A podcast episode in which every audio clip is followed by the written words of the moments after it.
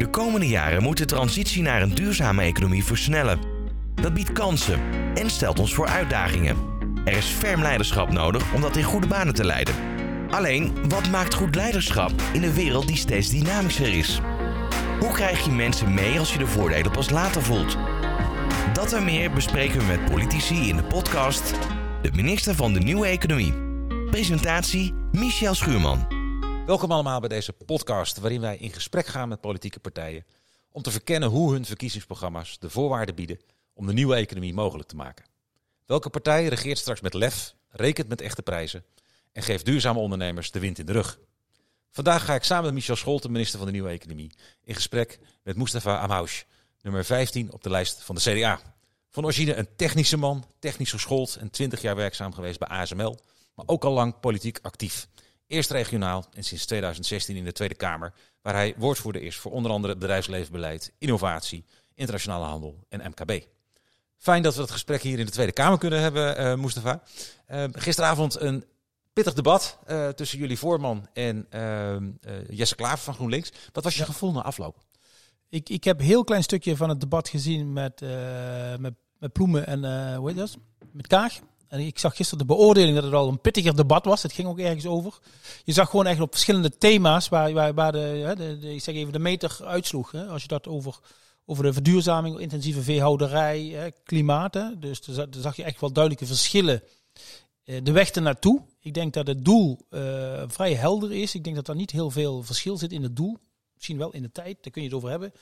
Uh, maar de weg ernaartoe, en dat, is de, dat maakt inderdaad heel altijd de politiek juist, oké, okay, via welke weg willen we onze doelen halen? En dat zag je gisteren terug tussen uh, Wopke Hoekstra uh, en, de, en de, de lijsttrekker van GroenLinks. Ja, nou, daar komen we inhoudelijk ja. straks zeker op terug. Michel? Ja, nee, super om hier te zijn en ik zie uit naar dit gesprek. Heel fijn. Um, nou, we volgen in dit gesprek eigenlijk de drie kernpunten die we op dit moment vanuit MVO Nederland over willen dragen aan de politiek. Namelijk een overheid met lef, echte prijzen en neem ook die duurzame MKB'er met name ook mee. Geeft die de wind ja. in de rug. Uh, als, ik het, als ik u vraag, het, het CDA-verkiezingsprogramma volgend. Hè? Uh, en, en, en, gaan we even vanuit dat jullie in de regering zitten. Hoe ziet nou de wereld eruit over vier jaar? Als ik even de vertaal in de luisteraar. Schets eens hoe, als je uh, al je dromen waar mag maken, hoe Nederland er dan uitziet. Kijk, we weten dat in de politiek vier jaar niet, niet een hele lange periode is. Hè? Maar gelukkig is, hè, en, en, mensen zeggen wel eens, uh, in, dat is niet zo. Hè? Wij, wij, hebben wel eens gezegd, het afgelopen kabinet of dit kabinet, ex-kabinet, is het meest groene kabinet wat er geweest is. En dan kun je zeggen van, ja, is dat zo in de realisatie? Maar ik denk in het bepalen van de richting waar we met dit land naartoe gaan, naar 2030, 2050, is dat wel degelijk het geval wat mij betreft en ook wat het CDA betreft, en dan komen we dadelijk ook over, terug, over terug op die eerlijke prijs. En, en als ingenieur uh, zeg ik ook even, we moeten toe naar echte verduurzaming. Dus uh, belasten, beprijzing is een instrument, maar dat kan alleen maar als je goede alternatieven hebt. Als ik een goed alternatief heb tussen een duurzaam en betaalbaar alternatief A of een slechter alternatief B, dan kan de consument, zeg ik even, of de bewoner, inwoner, kan dan kiezen. En ik denk dat dat als CDA een heel belangrijk uitgangspunt is. Bijvoorbeeld de discussie die we hebben gehad. Hè, de, de, de gemiddelde MKB'er, de schilder die met nog hè, het dieselbusje heeft. En dat kan best wel een vrij nieuw dieselbusje zijn. Dan kunnen we zeggen dan oké, okay, we gaan dat allemaal extra belasten. Maar als, die, als de Tesla het alternatief is, ik chargeer een beetje, als de Tesla het alternatief is voor die schilder om zijn uh, kosten in te stoppen, ja, dan hebben we dus geen goed alternatief. En geen betaalbaar alternatief. Ja. Is er een betaalbaar busje tegen redelijk gelijke kosten, duurzaamheid, de voetafdruk die daarbij hoort, maar waar die ook geld mee kan verdienen, een verdienmodel heeft, dan zijn we goed bezig. Ja, en betekent dat dan ook volgens u, als we dan even, nou nemen we even 2030 doel als het klimaatakkoord, ja. en ik neem even het busje als voorbeeld. Ja. Dat betekent dat we nog negen jaar hebben, dus we moeten echt versnellen. Eh, tegelijkertijd de levenscyclus van een busje is ook al negen jaar. Dus ergens gaat dat wringen. Dus je zult op een bepaald moment als overheid moeten stimuleren. Het zijn met de wortel, het zijn met de stok of een beetje van beide. Uh, hoe ziet u het spanningsveld en hoe wilt u dat invullen tussen wat er aan de ene kant vanuit de wetenschap gezegd wordt wat nodig is, ja. en aan de andere kant wat het maatschappelijk draagvlak is? Hoe ziet u dat spanningsveld en hoe vult u dat in? Twee dingen. Je hebt altijd hè, de, de kraan dichtdraaien hè, of, of blijf je dweilen met de kraan open. Ik denk dat je eerst de kraan dicht moet draaien. Dat hebben we volgens mij ook een aantal doelstellingen hè, vanuit Europa ook. Hè, de, de eisen die we stellen aan nieuwe auto's, emissieloze auto's. Volgens mij daar moet je helder over zijn van een bepaald jaar. En of het nou 2025 is, hè, jaar X dan moet je eh, eh, auto's eh, of, of vervoermiddelen mobiliteit maken met een bepaalde emissie die wij goed vinden om onze doelen te halen. Daar begint het mee. Dus de kraan dichtdraaien. En dan moet je beginnen met dweilen. En dat kun je stimuleren. Je kunt ook kijken tussentijds wat kun je met de huidige vloot. En of dat nou een vliegtuig is of een auto met duurzame brandstoffen. Kijk, het is niet des CDA's dat je dan zegt, oké, dan gaan we morgen alles dichtgooien. Of gaan we morgen alles de shredder ingooien en dan gaan we allemaal belastinggeld tegenaan gooien. Dus je moet daar wel ook weer daar vanuit reële oplossingen laten ingenieurs innoveren. Wat zijn transitieoplossingen en wat zijn structurele oplossingen? Bijvoorbeeld tussen 2030 en 2050. Ja, en Misschien mag ik daarop aanhaken. en misschien ja, een momentje. Dan heel even terug naar die. eh, toch even als voorbeeld eh, dat, dat busje van eh, die schilder. Wat, wat biedt het CDA dan voor zo'n ondernemer de komende vier jaar om die transitie door te maken? Eén, als, die, eh, als, als, als, een schil, even daar, als een schilder zo'n busje gekocht heeft, zeg ik even. En het is nog vrij een, een schoon busje voor de, voor de normen die we nu hebben. Hè. Los als het een heel oud busje is, dan kun je zeggen, oké, je kunt misschien dadelijk zeggen, we kopen, doen een opkoopregeling voor de hele oude busjes. Maar stel dat je normaal een, een busje nog hebt van twee jaar oud, wat volgens de dieselnorm. Dan moet je inderdaad kijken, en daar zijn we volgens mij bezig, de transitiebrandstof, kunnen we die gebruiken, dat die categorie mensen nog een x aantal jaar tot de busje afgeschreven is. Dus dan moet je reële alternatieven bieden. Want het maakt voor die schilder volgens mij niet zo heel veel uit of je nou duurzame, hè, ik zeg even, duurzame diesel, waarom zou die daarop tegen zijn? Als dat weer past in zijn verdienmodel en dat hij daarmee uitkomt. Ja. Als we hem gaan opzadelen met allerlei kosten en die houden aan het eind van de maand, even zeg ik even, eh, nog niet eens zijn, zijn loon dan over, ja, dan zijn we volgens mij niet bezig met duurzame, eh, niet bezig met eh, een, een, een verduurzaming die stand houdt naar de toekomst toe. Ik vind het een eh, positie die wat risico met zich meebrengt. Eh, dat u zegt eh, dat ehm, moet ehm, gestaag en we moeten de, kijken wat er allemaal haalbaar is op het niveau van zo'n schildersbusje. Ik denk dat u eigenlijk ehm, veel meer moet kijken. wat, is, wat zijn op de totale industriepolitiek keuzes en hoe kunnen we die zo maken inderdaad dat er een, een structurele verandering plaatsvindt. En laten we even dan dat vraagstuk van diesel en fossiele industrie nemen. Dan hebben we het nog steeds over 17,5 miljard subsidie door eh, zeg, kortingen op eh, zeg, ehm, fossiele eh, grondstoffen ten opzichte van niet-fossiele grondstoffen. Er wordt dus een subsidie eigenlijk, hè, er wordt een stimulans gegeven aan eh, de zeg, dieselbusjes. Ehm, laten we kijken naar het aantal eh, mensen dat eh, vervroegd sterft door eh, fijnstof in Nederland. Dat zijn eh, volgens het RVM zegt tussen de 10 en 20.000 mensen die daardoor vers- versneld zeg maar eh, de laan uitgaan. En moet je je voorstellen wat dat voor een eh, soort van last legt op de gezondheidszorgkosten. Ik denk als u dat soort kosten en subsidies zou meenemen in dit soort afwegingen, dan eh, zou je op een heel andere instelling uitkomen. En dan zou je ook inderdaad dat soort schildersbusjes ehm, en MKB-mensen kunnen subsidiëren om heel eigenlijk per direct te stoppen met dit soort diesel. Ehm, busjes. Je zou alle steden dieselvrij kunnen maken. Je zou dan eh, direct eh, kunnen overschakelen. Dan zou er veel meer urgentie eh, zitten in het beleid. Ik moet zeggen, je goed, hoewel het zeg je, ja, je moet de kosten uit de gezondheidszorg en uit de subsidie op Onder meer. fossiel halen om Ja. de transitie te versnellen? ik, ik mis heel erg die industriepolitiek en het macro soort van verhaal. Mhm. Hoe je zo kan inrichten dat we inderdaad binnen die anderhalve graden blijven. Want op dit moment blijven we absoluut niet binnen de anderhalve graden. De consequentie daarvan is, hè, en dan bedoel ik met het eh, anderhalf graden het, opwarmen Ja, van ja. de totale aarde. En Nederland moet daar voorlopen, niet ehm, wat wat, eh, noem het gemiddelde is, of daar nu heel erg achteraan sukkelen. We moeten daar absoluut op voorlopen. Simpelweg ook omdat het, denk ik, in een economisch belang kan zijn eh, van Nederland. Ik mis heel erg die urgentie. En als u zegt, we zijn het groenste kabinet, dan denk ik, ja, het is een groene vlag op een modderschuit. We drijven hier nog steeds op de fossiele industrie. We drijven op eh, een, een, een vleesindustrie eh, waar nou, meer dan 600 miljoen eh, diertjes Mhm. jaarlijks worden ehm, geslacht. Dat is verre van waar we moeten staan om binnen bijvoorbeeld anderhalve graden te blijven. Of überhaupt zeg maar op natuur en op allerlei mensenrechtenvraagstukken de wereld te redden. Mhm. Is gewoon eigenlijk een, een, een vraag van wat kunnen we verwachten als het gaat over het redden van de wereld? Want daar gaat het over. Ja, dat klopt. Maar ik vind wel dat je te kort door de bocht gaat. Kijk, wat daar gaat het juist fout. Is het ook in de afgelopen periode. We, zijn, we hebben heel veel mensen erbij betrokken gehad over het klimaatakkoord. Hè. Eh, Heel veel belangenorganisaties hebben erover gesproken. ik ben zeer benieuwd in hoeverre dat stand houdt dat dat klimaatakkoord ons naar die onze juiste doelen kunnen brengen. En mede doordat we het niet goed doordacht hebben, dat het, de vertaling naar de praktijk. Je kunt natuurlijk moet je macro een, een bepaalde richting hebben en dat we onze, onze doelen moeten. En ik weet ook wel dat dadelijk de vleesconsumptie, dat zal ook hè, het, de, het, hoe noem je het? het nieuwe vlees, hè, hoe je het mag noemen, een aandeel in hebben. En, en, en we zullen misschien anders gaan eten, maar ook vervoer. Als ik vandaag de dag als woordvoerder luchtvaart heb, dat ik zeg in de toekomst toe gaan we meer vliegen, maar anders vliegen. Dus meer met een vliegende auto, maar wel vol elektrisch. Dan krijg je een hoon op je af dat ze zeggen, ja, hij is voor meer vliegen per definitie. Maar dat is juist een ander, ander denken. Dat wij inderdaad niet alles via de weg, via ruimtegebruik in een klein land doen.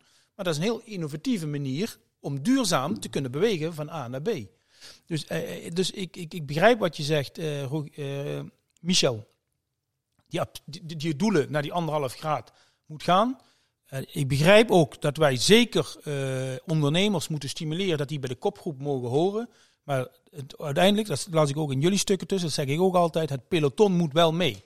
Want je gaat nooit en te nimmer die andere anderhalve graad halen door alleen hè, die Joop Zoetemelk die helemaal vooraan in de, in, in, in de kopgroep zit. Dus hoe krijgen we die breedte mee? En of dat duurzaam vervoer is, of uh, duurzame voedsel is, ga zo maar door.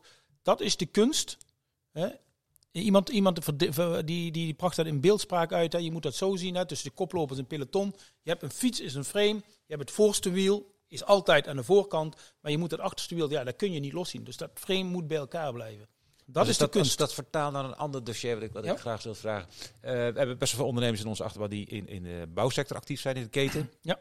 En ook in de voedselsector actief zijn. Eh, dus beide eh, smaken zijn goed vertegenwoordigd.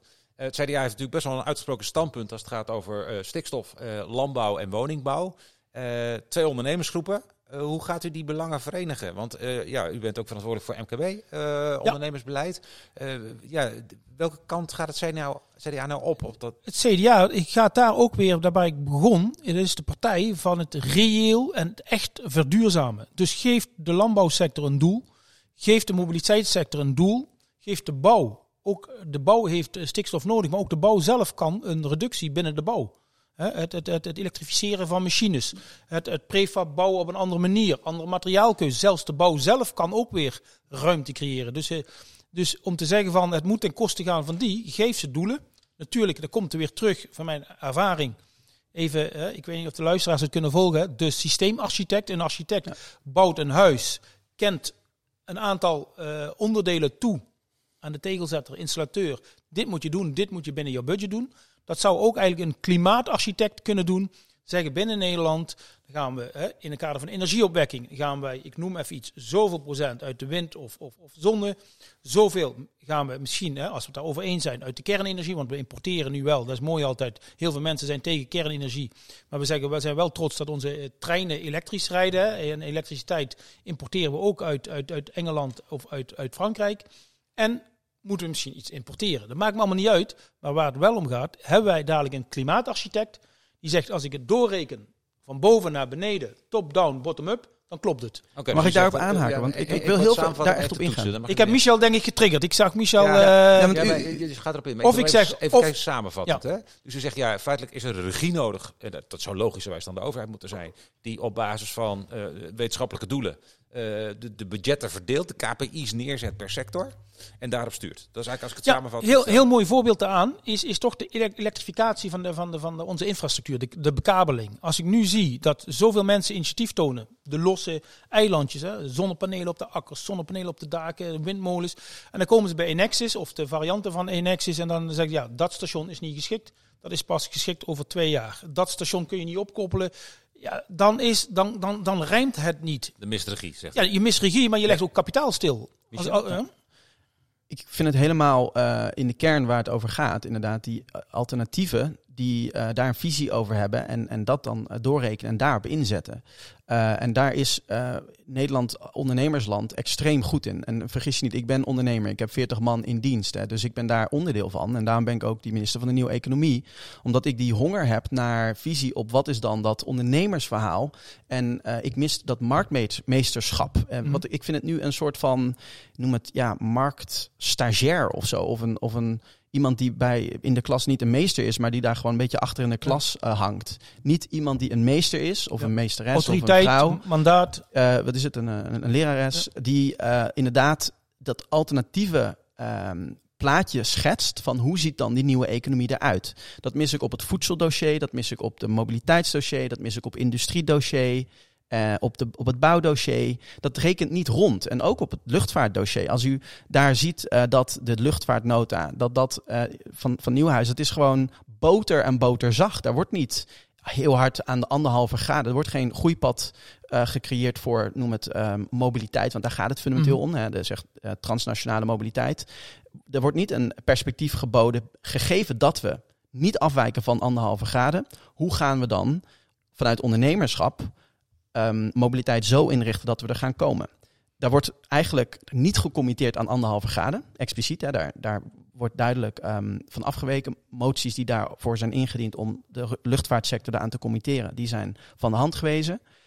En tegelijkertijd ehm, ja, wordt er natuurlijk door de industrie gewoon doorgegaan op het oude pad. Nou, daar En ben ik we niet blijven eens. niet binnen die anderhalve graden. En hetzelfde geldt Nee, voor de. Rogier. Eh, Michel, daar ben ik niet mee eens. Ik, de, in, de, in, de, in de luchtvaartnota, daar ben ik zelf mede verantwoordelijk voor dat we een goede innovatieparagraaf hebben. Die zat er eerst niet in. Hè? Mhm. Want hè, je kunt over allerlei dingen hebben, maar een innovatieparagraaf. We hebben nu ook in een motie, die is ook kamerbreed gestuurd, hè, in de R&D-uitgaven, nu ook in de coronacrisis, zie je dat bij een aantal bedrijven in de mobiliteit, de maritiem, de maritieme sector die met de, met de internationale scheepvaart, die zitten met een verduurzamingsopgave. De luchtvaart zit met een verduurzamingsopgave.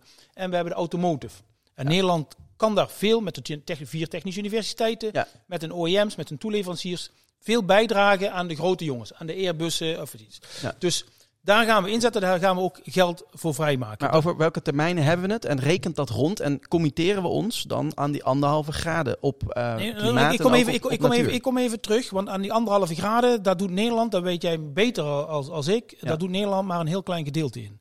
Dus als wij, wij hebben als Nederland onze handtekening gezet onder Parijs.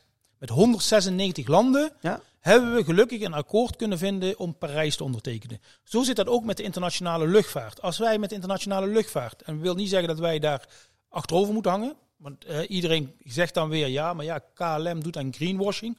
Binnen hetzelfde speelveld tussen luchtvaartmaatschappijen doen ze het beter dan anderen. Is niet genoeg, Ja. dat begrijp ik ook wel. Daarom zetten we ook in op de synthetische brandstoffen, motie CDA D66. Elektrisch taxiën, motie CDA D66.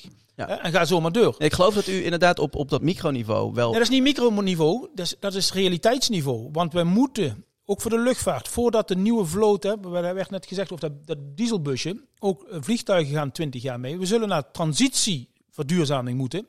Biokerosine voor de korte termijn, synthetische kerosine zo Ja. snel mogelijk. En daarna kijken of wij elektrisch, elektrische hybride voor de korte afstand. En de lange afstand zal een grote uitdaging worden hoe we dat gaan doen.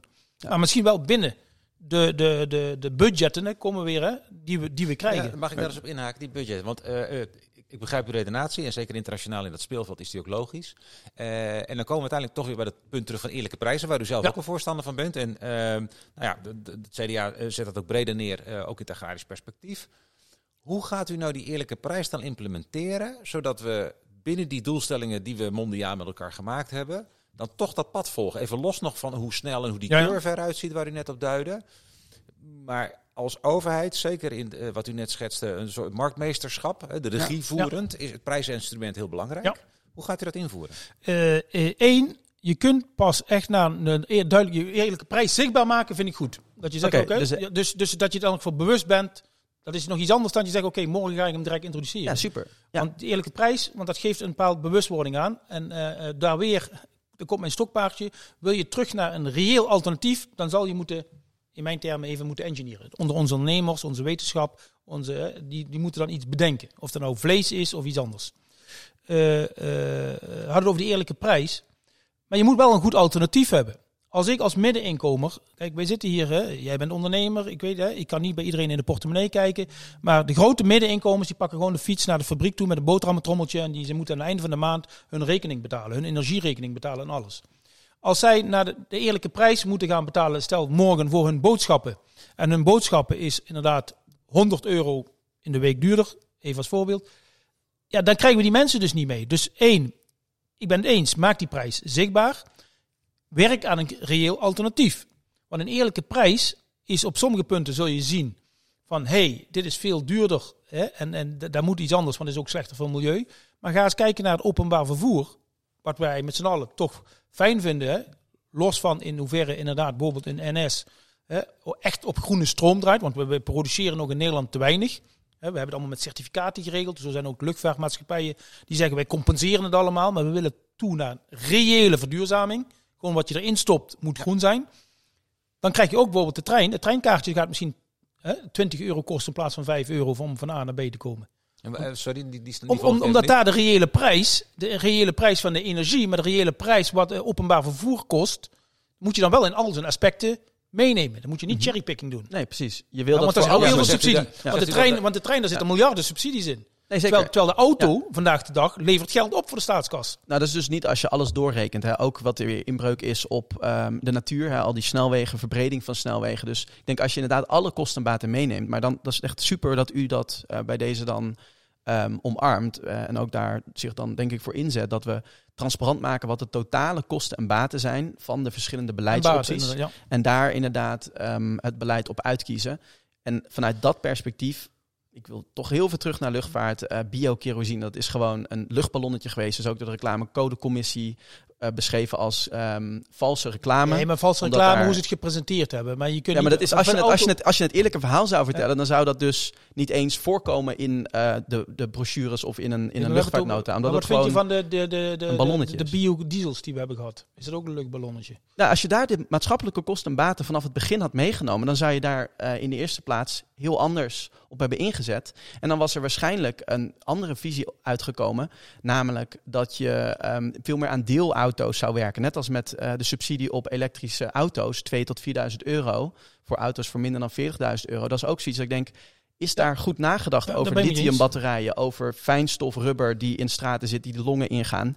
um, überhaupt de impact van wegen. Dus je moet veel fundamenteler naar ja, een definitie van de nieuwe economie. En daar zitten gigantisch veel banen. En ook als het gaat over wat u zei, hè, want dat zie ik ook veel als een valse tegenstelling. Gisteren ook in het debat met, um, met Klaver en um, Hoekstra. Daar wordt dan gezegd, ja, de gewone man die moet daar dan de meerprijs uh, voor betalen. Of er gaan banen verloren in uh, staalovens. Er zijn een derde van de banen uh, van de zeg, duurzame energietransitie wordt niet ingevuld. Er is een enorm gebrek aan vakmensen die, die, uh, mensen, die die huizen van het gas moeten afbrengen. Daar zit gigantisch veel ja, economisch potentieel, banen en inkomen. Ja, dus maar jij noemt nu alweer een nieuwe economie. Ja, maar daar, je noemt alweer even tussen neus en lippen door om van het gas af te komen. Ja. Er zijn landen hè, die, die subsidie krijgen om op, op het gas te gaan. Er zijn landen die een hele belangrijke duurzaamheidstransitie maken om van andere fossiele brandstoffen naar gas te gaan. Ja, ik, ik zou wel heel blij zijn om naar richting die anderhalf graden of naar ons doelstelling gaan. Als wij ons gasverbruik zouden kunnen reduceren, 80% minder, en we houden nog een gasverbruik voor bepaalde sectoren, omdat het heel moeilijk is, omdat het zware industrie is, of omdat we strenge winters krijgen, weet ik wat allemaal, dat je zegt, oké, we houden nog 20% over. Dat is voor mij ook een reëel alternatief. Want waarom zo half Waarom zouden wij van, helemaal van het gas af moeten als je geen goed alternatief hebt? je hebt een goed alternatief. Er zijn uh, warmtepompen, er zijn um, allerlei uh, alternatieven die huizen warm kunnen houden. Ja, maar als we vandaag, uh, Michel, de, de, de discussie die we hebben, dat we vorige week of twee weken terug gezegd, ja, ja het, het verduurzamen van een huis kost 40.000 k. Ja, dus het is afhankelijk ja, even, van welke Wij hebben niet berekend. Ik de heb Economisch niet, Instituut van de Bouw, die kwam op 45.000. Ja, 40 is een reëel midden tussen wat de agenda zegt en wat... Ja, ik is even, eh, of dat nou 40 is of 30, of ja. uh, zijn laten, we die, laten we die som even erbij pakken. Nee, maar ik ga nog een stap verder. We hebben geïnvesteerd in verschillende steden blijkbaar in warmtenetten. Dat moest een warmtenetten. Daar hebben mensen aan doorgerekend, komen weer, de eerlijke prijs en de, doorgerekend, dat die warmtenetten gewoon niet effectief waren. En dan gaat niemand die dan zegt, ook linkse coalities in bepaalde steden. Niemand die dan zegt, daar gaan we mee stoppen. Want dan is het ook een keer een prestigeproject. Zelfs wat, wat gezegd wordt soms op rechts, een snelweg is een prestigeproject. Zo zie je. En volgens mij moeten we daar vanaf. Ja, we moeten überhaupt links en rechts, en dan komen we terug echt relevant. Bij het CDA vaak met reële oplossingen vanuit het midden die haalbaar zijn. En wij zijn voor een duurzame uh, wereld, die die aardbol of aardkloot, zo ik het noem, ja. omdat we door kunnen geven. Maar daarom zitten we ook met u aan en, tafel. En dat we er ook geld aan kunnen verdienen. Mag omdat we daarin geloven. op de tijd. Het is toch een mooie, mooie, dit is een mooie discussie die we hebben hier. Ja, zo. ja nee, zeker. En we, we geloven juist in die middenpartijen. Om, om, om, precies daarom zitten we. Omdat daar de, de, de, soort van de dingen bij elkaar komen. En inderdaad een perspectief eh, kan zijn voor het eh, verduurzamen van, van de economie. Ik, En ik, waar die heel concreet was, als ik hem dan toch mag. Juist, juist de middenoplossingen, waar ben ik erg Ja. benieuwd ben, omdat ik er bij het CDA zo weinig naar- van, van teruglees, is een verschuiving van de belasting op arbeid naar een belasting op vervuiling en grondstofverbruik. We zien, zeker in Nederland, alle cruciale beroepen worden eh, veel op het schild gehezen. Eh, en tegelijkertijd is de belasting op die arbeidsfactor re- relatief hoog. Ja. En krijgen we dus eigenlijk weinig handen aan het bed, weinig blauw op straat, weinig leraar voor de klas.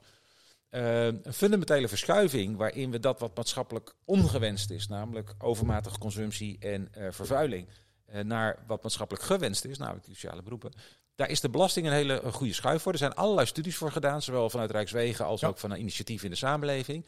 En toch vinden we het nauwelijks terug, ook niet bij het CDA. Hoe? Jawel, jawel. Eh, Misschien wel uit een andere invalshoek. Wel uit een andere invalshoek. Als je ons verkie- verkiezingsprogramma leest, er staat hè, het verschil tussen bruto, hè, wat de werknemer moet betalen, of de werkgever moet betalen en de werknemer krijgt, daar willen we vlakker hebben. Dus dat, hè, dat, het, het, dat stimuleert, ook, het, het, het, het stimuleert ook de vaste banen. Dus als arbeid goedkoper wordt en arbeid loont, daar zijn we echt voor. En dan kom je inderdaad, ik zeg niet dat wij principieel tegen zijn, volgens mij doen we dat ook op een aantal punten, dat je vervuiling eh, belast. Hè? Wij zeggen wel vaak klimaatbeleid, laat het ook Europees doen. Wil niet zeggen dat je niks moet doen. Wil zeker niet zeggen, wil zeker niet zeggen, en daar ben ik echt pertinent, daarom ook op die luchtvaart werd ik wel geprikkeld. Ik ben juist voorstander dat wij de innovatie in de luchtvaart gaan versnellen. Ja. Hè, dat wij zo snel mogelijk, en daar ben ik met je eens, eh, Michel, dat de biokerosine maar in korte tijd is, dat we zo snel mogelijk naar duurzame synthetische kerosine, om die huidige vloot die 20, 30 jaar nog mee moet, om daar alvast de eerste stap te halen. En ik hoop dat inderdaad dat een Airbus daarin slaagt om dadelijk op basis van waterstof als drager daar ook de lange afstanden kan doen. Ja. Maar ook het omdenken. En daar moeten we heel veel mensen nog meekrijgen. Inderdaad, als ik dadelijk van Maastricht naar eh, Groningen moet, jij noemde het net, dat kan ik doen met een elektrische auto, met rubber over de weg. Maar ik kan misschien straks ook vliegen met een vliegende auto. Wat nog misschien voor heel veel mensen die luisteren denken, die, die jongen die, is, hè, die, die, die, die, die tikt niet. Hè. Maar ik ben ervan overtuigd dat dat omdenken wel degelijk gaat gebeuren. Dat je van A naar B kunt gaan met een elektrisch vervoermiddel. Zonder dat je heel veel ruimte ge- gebruikt. Want ruimtegebruik is ook nog iets waar we nu niet uit eh, besproken hebben. Ja. Ja. Waar ik naartoe wil, de driehoek van Moes. Mustafa Moes. Oh, mooi. Ik, de investeringen. Ik zou heel goed inderdaad. Ik heb ook bij ons in de fractie hebben vaker discussie gehad over investeringen. Wat moet je nou doen in die verduurzaming? Eén, als je eigenlijk zou je een toets moeten doen. Als je investeert in iets. Eén, wat draagt het bij aan ons toekomstig verdienvermogen? Gewoon economisch, euro's. Je moet geld verdienen om te weer te kunnen investeren. Twee, wat levert jouw investering op aan banen? Heb jij net ook over gehad, eh, Michel. Dat kunnen groene banen zijn. En drie, inderdaad, wat betekent dat voor de voetafdruk? Die drie toets, dat zou een hele goede zijn om eh, eh, nieuwe investeringen, eh, of je die, hoe je die inbrengt, hè, Ja. Eh, dat je daar in elk geval zicht op een hebt. prachtig, prachtig eh, Ja. framework. En je zou dat eigenlijk op de industrie in totaliteit moeten toepassen. Want wat je hoort op bijvoorbeeld die ehm, waterstof gebaseerde kerosine plannen, wat in mijn ogen nog niet die toets heeft ge- gekregen wa- waar het over heeft op het niveau van de totale footprint van Nederland. Je kan niet zeggen, het rekent rond voor dit voor Schiphol. Nee, het moet voor de totale Nederlandse industrie, met alle verschillende industrieën, worden getoetst op die principes. Want dan pas kan je zien. Hè, er zijn eh, op Joop werd een ehm, ingenieur eh, geïnterviewd die heeft het over 40 eh, zeg, kerncentrales alleen maar voor Schiphol. Als je dat voor alle vluchten zou willen gaan ehm, omarmen. Ja, maar- maar- En dan heb je het dus over een gigantische energievraag. Willen we dat in Nederland? Of zouden we die energie anders willen inzetten? En dat ten opzichte van de alternatieven van bijvoorbeeld de trein. Maar Michel, de trein die gebruikt nog veel meer energie per Nee, maar kilometer. ik- ik- ik Eh, zeg Carlo niet- van der Weijer heeft Nee, dat toch regelmatig die, die, som, die som die wordt op dit moment niet gemaakt. Ja. En er wordt wel met miljarden geïnvesteerd. En misschien is inderdaad een trein geen optie. Misschien moeten we een ander type luchtvaart. Maar ik wil gewoon vragen aan u. Kunt u inderdaad die maatschappelijke kosten en baten voor de Nederlandse industrie... voor het totaalplaatje eerst ehm, min of meer in kaart brengen... voordat u die miljarden eh, de, de- de verschillende kanten Ja, opstuurt? maar je moet ook niet, niet, niet gaan. Kijk, ik heb bijvoorbeeld, hè, ik denk dat er heel veel mensen fan zijn nu van de elektrische auto. Hè. Er zijn, ja, precies wat jij zegt. Ja. Het doorrekenen van een complete elektrische auto wereldwijd. Hè. Ja. Van eh, de, de maatschappelijke kosten, of dat nou voor rubbers zijn, van, hè, Ja. inderdaad, hoe zwaarder de auto, hoe meer fijnstof, Lithium, de, lithium, al, al- alles wat in zo'n auto zit, maakt Ja. die ding, maar toch zetten we er wel in. Dat is toch, dat is toch van Ja, de Ja, zon. maar je kunt- ook een elektrische deelauto, hè? Dat is waar Michel... Ja, de deelauto kom ik dadelijk nog op, want ik kom uit Limburg, uit de, uit de regio, is iets anders dan als je in een stad zit, waar, Nee, op, zeker. elk, waar op elke hoek een tram, een Ja. trein en eh, iets anders, een metro vertrekt. Ik word even uit mijn ooghoek Ja. op de tijd gewezen. Ik wil graag nog één andere vraag aan u voorleggen. Eh, en dat gaat sec over de, de, de echte MKB'er. Hè, Want Ja. u zegt het net heel terecht. Eigenlijk zou je eh, de moesdriehoek noem ik hem nog Ja. eventjes dan. Ja. Die spreekt ons erg aan. Tegelijkertijd, en dat zien we ook in het Nationaal Groeifonds, wat mede Ja. ook door het CDA natuurlijk opgezet is, dat het toch heel vaak richting de grote industrie vloeit. Ja. Wat gaat u nou doen voor die duurzame MKB'er? Ik vind MKB is de norm. En ik, ik kom zelf, ik heb 20 jaar bij ASML gewerkt en ik, ik, ik, ik wil echt waken. En ik, ik, ik maak me er ook af en toe boos over hè, vanuit de Tweede Kamer dat er flink afgegeven wordt op het grootbedrijf. En als daar fouten gebeuren, dan moet je die aannemen. Maar ik ben van overtuigd dat wij in Nederland alleen die grote verduurzamingsstappen kunnen maken als we het grootbedrijf en het MKB meenemen. Als we in duurzame brandstoffen, maakt me niet uit wat, of materialen, de DSM's mee moeten nemen, de Shells mee moeten nemen, die moeten mee in dat stuk. Eh, Als ik bij ASML kijk, het is een integrator. Die maken een heel mooie machine omdat ze daar in staat zijn. Maar hebben de honderden toeleveranciers in Nederland en in het buitenland. Dat geldt voor Airbus ook. Dat is ook een grote, dan kun je wel zeggen, ja, maar het gaat... Dus eh, in Nederland zie je nu helaas nog, hè, ik doe ook innovatie, dat de meeste middelen die in, in R&D, we hebben want dat is ook een van de vragen die jullie hadden, wat wil je eigenlijk in einde een andere kabinet terug zouden willen zien? Ja, die R&D-investeringen naar 2,5 of 3 procent, kun je ook oversteggelen. Dat is cruciaal voor Nederland om het toekomstig verdienvermogen van Nederland vast te stellen en om die verzuurzaming in alle sectoren te pakken. En dan moet je grootbedrijf en MKB laten samenwerken. En daar Via moet de ketens van het grootbedrijf. Dat is eigenlijk een beetje wat ik u ja, niet alleen de ketens van een groot bedrijf. Kijk, bijvoorbeeld nu het Nationaal Groeifonds heeft Wopke Hoekstra gezegd. Ik wil dat dat naar consortia gaat. Ik kom niet aanzetten met allerlei losse projectjes. Kijk naar eh, de, de opgaven die we hebben. Minimaal 30 miljoen. Hè, Ja. Want je moet ook, hè, dat, dat is wat eh, Michel net zei, hè, eh, macro gezien. Kijk eens welke richting we op moeten. Maar zorg wel dat daar ook disruptive eh, MKB'ers, start-ups meedoen. Met dat grootbedrijf. Maar Ja, gaan ze misschien een af... vierde poot aan de, aan de driehoek van Moes. Hè? De, Ja. de, de disruptive, in de, want anders komt hij er niet tussen. Hè, bij 30 Ah, Anders komt er niet tussen. Kijk, we hebben net even in de aanloop toen we het hadden hè, over de Tony Chocoloni, wat toch een mosquito. Hè. Een mosquito kan toch wel heel hinderlijk zijn. Maar kan ook op heel, heel positief werken op, op nieuwe ideeën. Ja. Zeker, ja. En ik denk ook met het besteden van dat soort innovatiepotten, wat echt extreem belangrijk Ja. is inderdaad. Daar moeten we dus voorkomen dat we dat te veel in oude ehm, industrie optimaliseren eh, inzetten in plaats van nieuwe industrie. En ik wil, want ik, ik weet, we kunnen met CDA weer eindeloos gaan hebben over veestapel en dan komen we niet uit. En dat is begrijpelijk vanuit uw eh, boerenachterban, want die zitten natuurlijk Ja, we zijn diep in de breed, hè. We zijn, we, we zijn breed, hè. Ja, Dus, dan eh, zou ik wel willen uitnodigen. Kijk, inderdaad, eh, Oost-Nederland, rond Wageningen, eh, Vegan Valley. Daar gaat net 80 miljoen investering naar Mozambique. Daar eh, wordt met kweekvlees, daar wordt met alternatieve dierlijke eiwitrevolutie wordt gigantisch waardegekeerd, ook voor boeren. En daar denk ik weer van, ja, omdat we met die innovatie-subsidies, maar ook ehm, allerlei uitkoopregelingen, heel veel miljarden eigenlijk inzetten weer op die oude industrie, kunnen we niet Ik- ik zo snel liever- mogelijk naar de nieuwe industrie en ook daar bijvoorbeeld vol op inzetten. Dat, dat is zeker een, een, een, een stap. Ik zou ook liever zien dat we ook in, in, in de bestaande zaken meer op innovaties, eh, dat we de boeren kansen geven om ook de volgende generatie te doorontwikkelen. Precies, Dat is ja. iets anders. Dan uitkopen, dat is niet het, het, het, het, het, eh, de, de hoogste eh Rendement. prioriteit, rendement. Toch even terug naar die, wat je zei net over die innovatiegelden en Nationaal Groeifonds. Ik ben blij dat nu in die nieuw deal van Wopke Hoekstra, dat hij zegt, we hebben nu 20 miljard beschikbaar gesteld hè, met eh, eh, Hoekstra Wiebesfonds voor de komende vijf jaar, dat we dat willen verdubbelen. Ja. Want dat heb je nodig om lange termijn doelen te stellen. Want we we begonnen met het verhaal, waar wil je staan over vier jaar? Ja. Ja. ik zit nu wel lang genoeg in de politiek. Nog niet zo heel lang, maar wel vier, vijf jaar. Om te weten dat je in, in, in een korte tijd van vier jaar, hè, ook als onderneming, ja, best wel, hè, eh, je- hebt tijd om zeker om transities te maken. Ja. Maar als wij duidelijkheid geven, ook met financiële middelen naar die ondernemers, dat een consortium op verduurzaming kan zeggen: Oké, jullie zijn zeker voor de komende vijf jaar of de komende tien jaar om dat door te zetten, dan gaan we stappen maken. Deze podcast is tot stand gekomen in samenwerking met het platform voor toekomstmakers, Change Inc. De minister van de Nieuwe Economie is een initiatief van MVO Nederland, de beweging van ondernemers in die nieuwe economie. Benieuwd naar wat MVO Nederland voor jou kan betekenen richting politiek Den Haag? Je vindt het op www.mvonederland.nl.